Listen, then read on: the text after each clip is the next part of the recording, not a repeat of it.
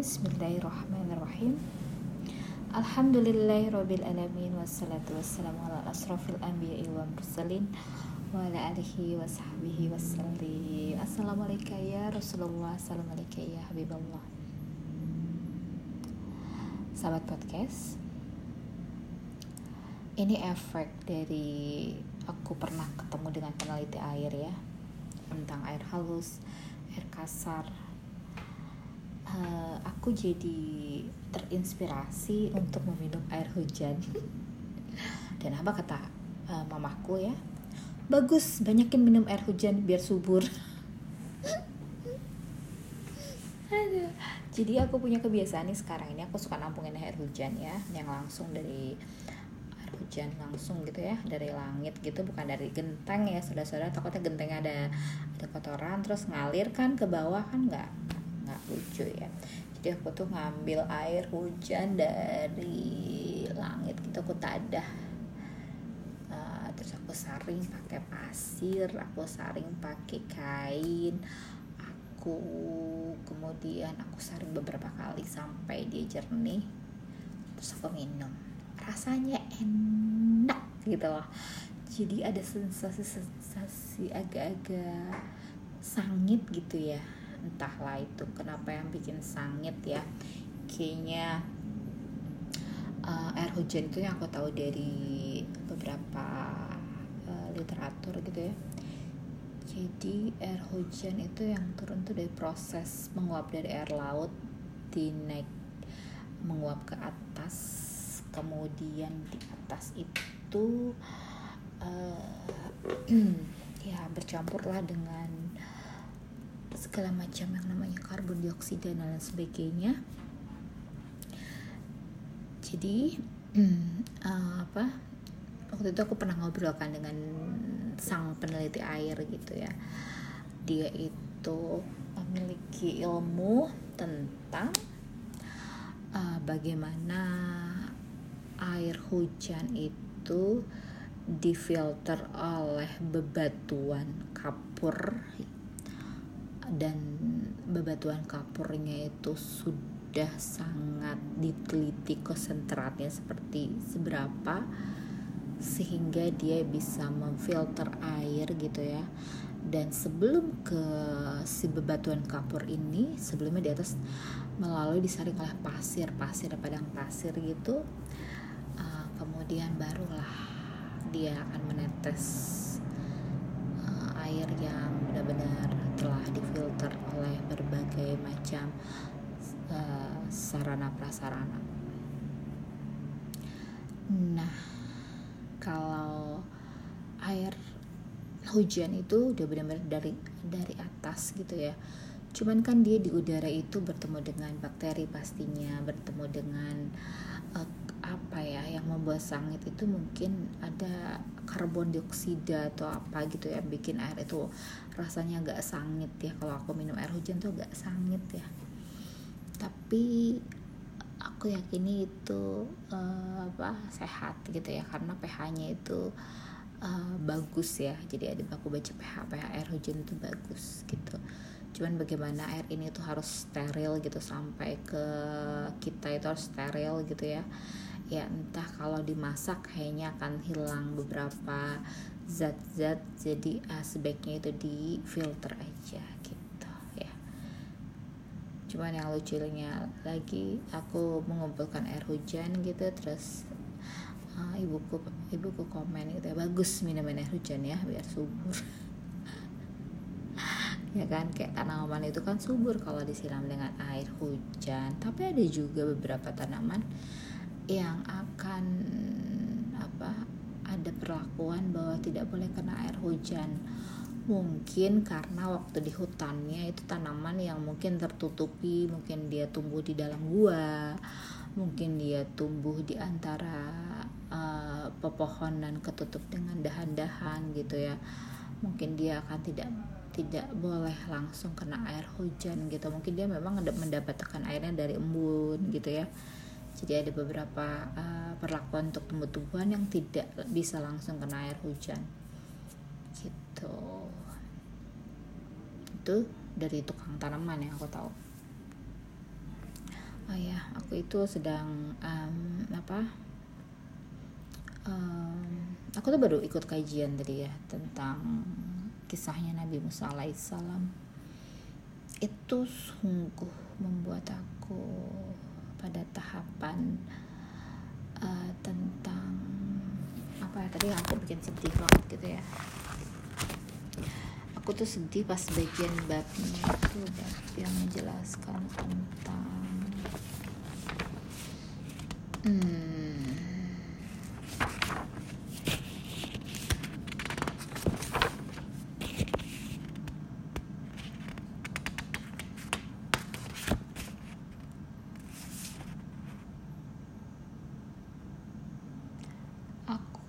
sedih sekali kayaknya pas tahapan tentang ya uh, sedih banget pada saat uh, Nabi Musa bisa melihat keagungan Allah pada diri uh, Tajali pada Nabi Muhammad SAW itu bikin aku sedih banget nggak tahu kenapa. Uh, itu yang membuat ada satu kebanggaan tersendiri ya.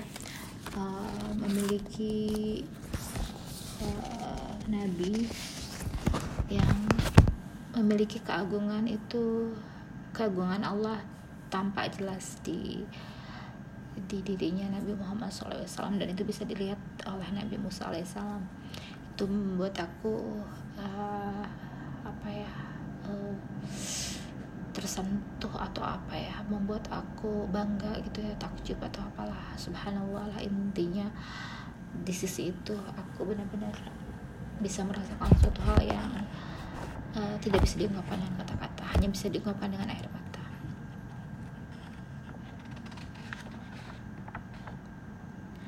Jadi di sini uh, bagaimana kita harus bersyukur ya atas nikmat-nikmat yang Allah berikan kepada kita jangan mencari sesuatu yang belum kita dapat tapi tapi bersyukurlah atas apa yang sudah kita dapatkan dan jangan pernah memikirkan atau terus meratapi apa yang sudah hilang. Ya. Ya jangan mengikuti yang namanya uh, setan hawa nafsu ego dan tadi ada ada empat macamnya yang tidak boleh diikuti yaitu ya satunya uh, setan yang suka membisikkan hal-hal yang tidak enak-enak nafsu uh, terus hawa atau ego dan dunia yang masuk ke dalam ini harus di harus di ya, dihindari lah ataupun diupayakan supaya dia tidak mengganggu atau uh, berpengaruh kepada diri kita.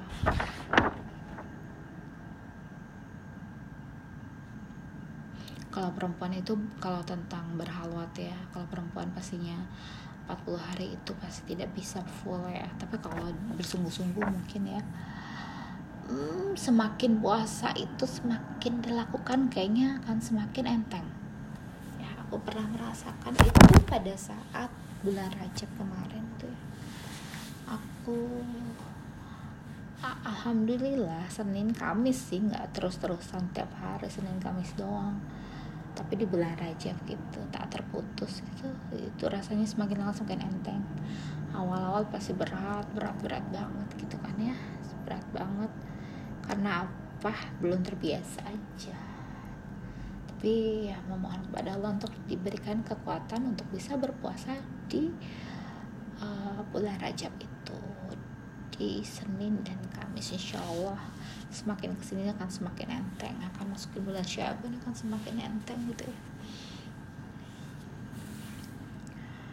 Uh, ya aku itu lagi lagi lagi cari-cari tentang hal-hal uh, yang melampaui batas. Jadi kita itu harus berdoa minta dilindungi sama Allah atas diri kita yang suka uh, berkeingin tahuan yang yang melampaui batas. Itu ada doanya ya salah satu doa yang agar terhindar dari yang melampaui batas itu.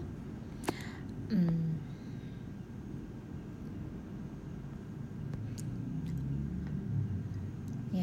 Jadi ada doa yang di kalau nggak salah di Ali Imran uh, surah Ali Imran 142 itu ada ada doa tentang terhindar dari hal-hal yang melampaui batas. Ya. Doanya itu Rabbana kfir lana zunubana wa israfana fi amrina was wasakbit akdamana wansurna ala kaumil kafirin. Ya Tuhan kami ampunilah dosa-dosa kami dan tindakan-tindakan kami yang berlebihan dalam urusan kami dan tetapkanlah pendirian kami dan tolonglah kami terhadap orang-orang kafir ya. Ini doa bagus banget salah satunya untuk mencapai ketakwaan yang sejati ya. Dan ini juga pada saat uh, waktu itu ada perang Uhud ya yang melatar belakangi atas doa ini. Itu sih uh, terus kemudian juga kalau di catatan aku yang aku buka-buka sih terakhir tentang Al-Maidah 77 sih. Itu juga berbeda berbeda berbeda pengkhususannya ya berbeda pengkhususannya kalau di di Al-Maidah 77 itu dijelaskan tentang hal-hal yang untuk orang-orang ahli kitab yang melampaui batas ini. Ya jadi dijelaskan di Al-Maidah 77 ini uh, larangan Allah Subhanahu wa taala kepada ahlul kitab yang mengikuti hawa nafsu pendahulu-pendahulu mereka menyesatkan atau mengajak sesat semakin jauh semakin sesat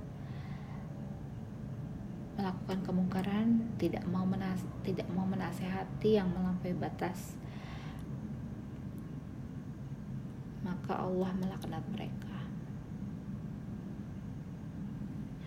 Alangkah buruknya perbuatan mereka itu peringatan bagi kita jangan sampai mengikuti gaya hidup mereka.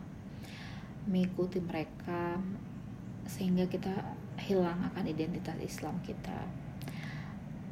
Ayat sebelumnya menerangkan orang-orang Yahudi dan Nasrani yang melampaui batas supaya mereka tidak tersesat kelompok satu yang telah tersesat terdahulu kelompok kedua yang menyesatkan kelompok ketiga yang tenggelam dalam kesesatan dari zaman Rasulullah sampai dengan sekarang. Larangan melampaui batas. Mengapa dua uh, dua nabi disebutkan? Nabi Daud alaihissalam dan Nabi Isa alaihissalam.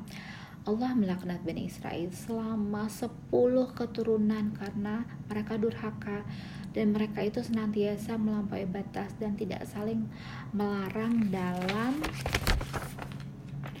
membiarkan mereka yang melakukan melampaui batas. Yang sini disebutkan orang Yahudi dan orang Nasrani melampaui batas mengikuti hawa nafsu tidak saling melarang seburuk-buruknya itu perbuatan. Nabi Muhammad SAW memberitahukan untuk tidak melampaui batas dalam masalah agama pertama adalah dalam hal berdakwah dengan cara yang bijaksana, dengan peringatan-peringatan, dengan hikmah, dengan uh, berdebat dengan cara yang baik. Islam itu menyelamatkan manusia dengan cara yang baik, menyampaikan dakwah agar kita mempertanggungjawabkan uh, segala segala apa yang kita ucapkan dapat bertanggungjawabkan sini juga dikatakan wahai ahlul kitab wahai orang-orang yang telah menerima kitab Taurat Injil yang akan uh, janganlah engkau melampaui batas dalam agama. Semua perkara, perkara berlaku juga melampaui batas yang baik dilakukan yang dilarang ditinggalkan. Hendaklah engkau menghindari hal-hal yang melampaui batas dalam dalam perkara agama. Jadi memang yang tidak berlebihan itu tidak boleh ya ya makanya aku minta pertolongan dari Allah dengan berdoa tadi ya. Wa isrofana fi amrina itu bukan doa yang itu lagi. Yang tadi yang tadi yang tadi yang tadi yang tadi. Iya uh, kaum Nasrani ini melakukan hal yang melampaui batas dengan menuhankan Nabi Isa. Terus kalau Yahudi ini yang melampaui batas karena menghina Nabi Isa dan uh, dan ibunya Nabi Isa alaihissalam. Yahudi ini mencela Allah karena tidak uh, ya melampaui dalam batasan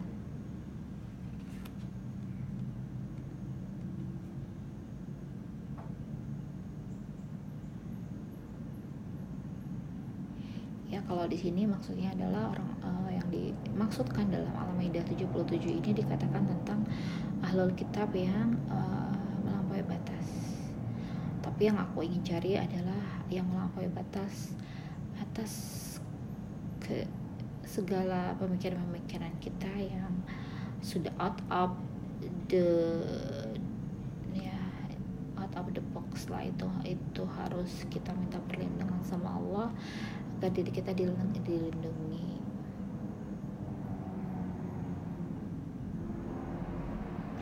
ya. Jadi melampaui batas dalam perkara agama di luar petunjuk dari Allah Subhanahu wa taala.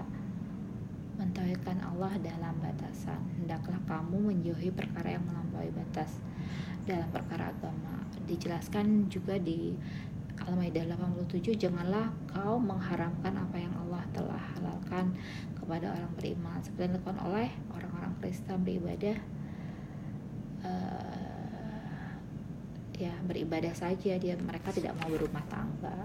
Itu juga hal-hal yang melampaui batas. Terus kemudian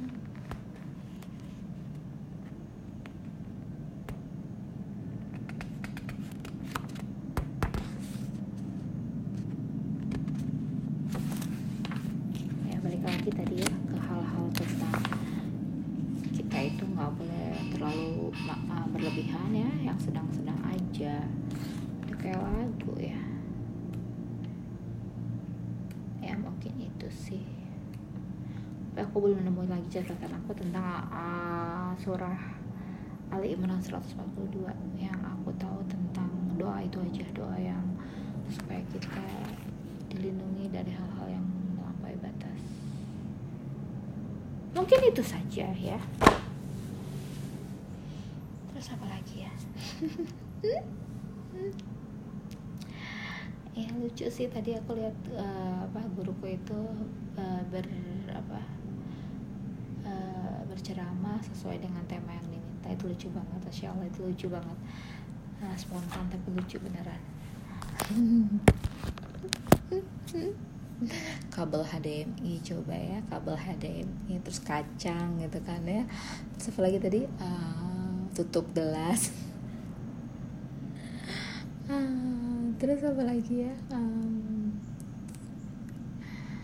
uh, tutup gelas terus um, udah deh kayaknya gitu ya. Ya kalau kalau kalau uh, guruku punya Mas Suroto kalau aku di sini punya namanya Nasar. Itu uh, kalau di sini itu disebutnya big bossnya sini ya. Karena galakan dia daripada yang yang bos sebenarnya kalau udah dengar dia ngomong kita nggak bisa ngomong apa-apa. Karena kita iyahin aja dulu ya. Karena dia akan berubah dengan sendirinya mengikuti kata hatinya dia akan baik. Ya karena dia itu orang yang kita andalkan ya. Kalau orang andel diandelin tuh ya uh, kita nggak bisa berbuat apa-apa sih ya, selain kita meminta kepada Allah untuk melembutkan hatinya. Karena pada dasarnya orangnya baik ya. Tapi memang harus diperlakukan istimewa atau spesial baru dia keluar yang baik-baiknya gitu ya. Baru keluar yang baik-baiknya kalau kita bisa memperlakukannya dengan sesuai dengan kekhususannya itulah spesial atau uniknya manusia ya. Harus diberikan perlakuan khusus kalau kita baru bertemu dengannya mungkin kita bisa emosi main tonjok-tonjokan ya sama ini orang. Tapi kalau kita sudah paham akan kekhususan orang ini maka kita dapat memperlakukannya dengan semakin keluar tuh apa uh, keindah keindahannya semakin keluar. Karena per perlakuannya itu berbeda. Karena dia harus diperlakukan seperti ini seperti ini seperti ini sehingga si cahaya-cahaya dalam dirinya itu keluar sehingga dia uh, mengeluarkan suatu kebaikan kebaikan kebaikan kebaikan itulah. Jadi kita harus memang punya cara khusus untuk memperlakukan orang itu yang berbeda-beda sesuai dengan karakternya ya. Itulah manusia. Hmm. um, hmm, kalau aku tipikal yang aku tipikal yang apa ya uh, ya itulah. Pernah aku ceritain lah. Aku aku bermain dengan pikiranku. Uh, tapi dari situ aku juga banyak belajar gitu ya. Aku orang tipikalnya humoris juga gitu ya. Suka bercanda. Uh, tapi kadang-kadang hmm, kekanak-kanakan gitu. Ya mak begitulah. Hmm.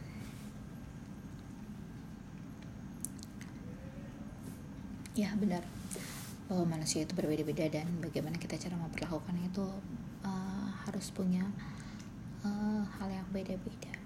Termasuk dengan benda-benda yang sekeliling kita itu juga perlu perlu kita ajak ngobrol perlu kita ajak komunikasi kita harus berbeda memperlakukannya. Tapi yang jelas sih harus dengan sesuai dengan yang Allah kehendaki. Karena Allah segalanya jadi kita tinggal mengangkat tangan aja maka semua apa pun di dunia ini entah makhluk entah benda itu akan tunduk patuh kepada Allah. Mungkin itu saja ya. Kalau aku semakin malam ini semakin melek sebenarnya ya. Tapi kayaknya cukup deh untuk perbaikinya. Segala apa yang salah mohon dimaafkan. Aku juga masih belajar. Uh, mungkin itu saja ya. Subhana rabbika rabbi izzati amma yasifun. Wassalamualaikum warahmatullahi wabarakatuh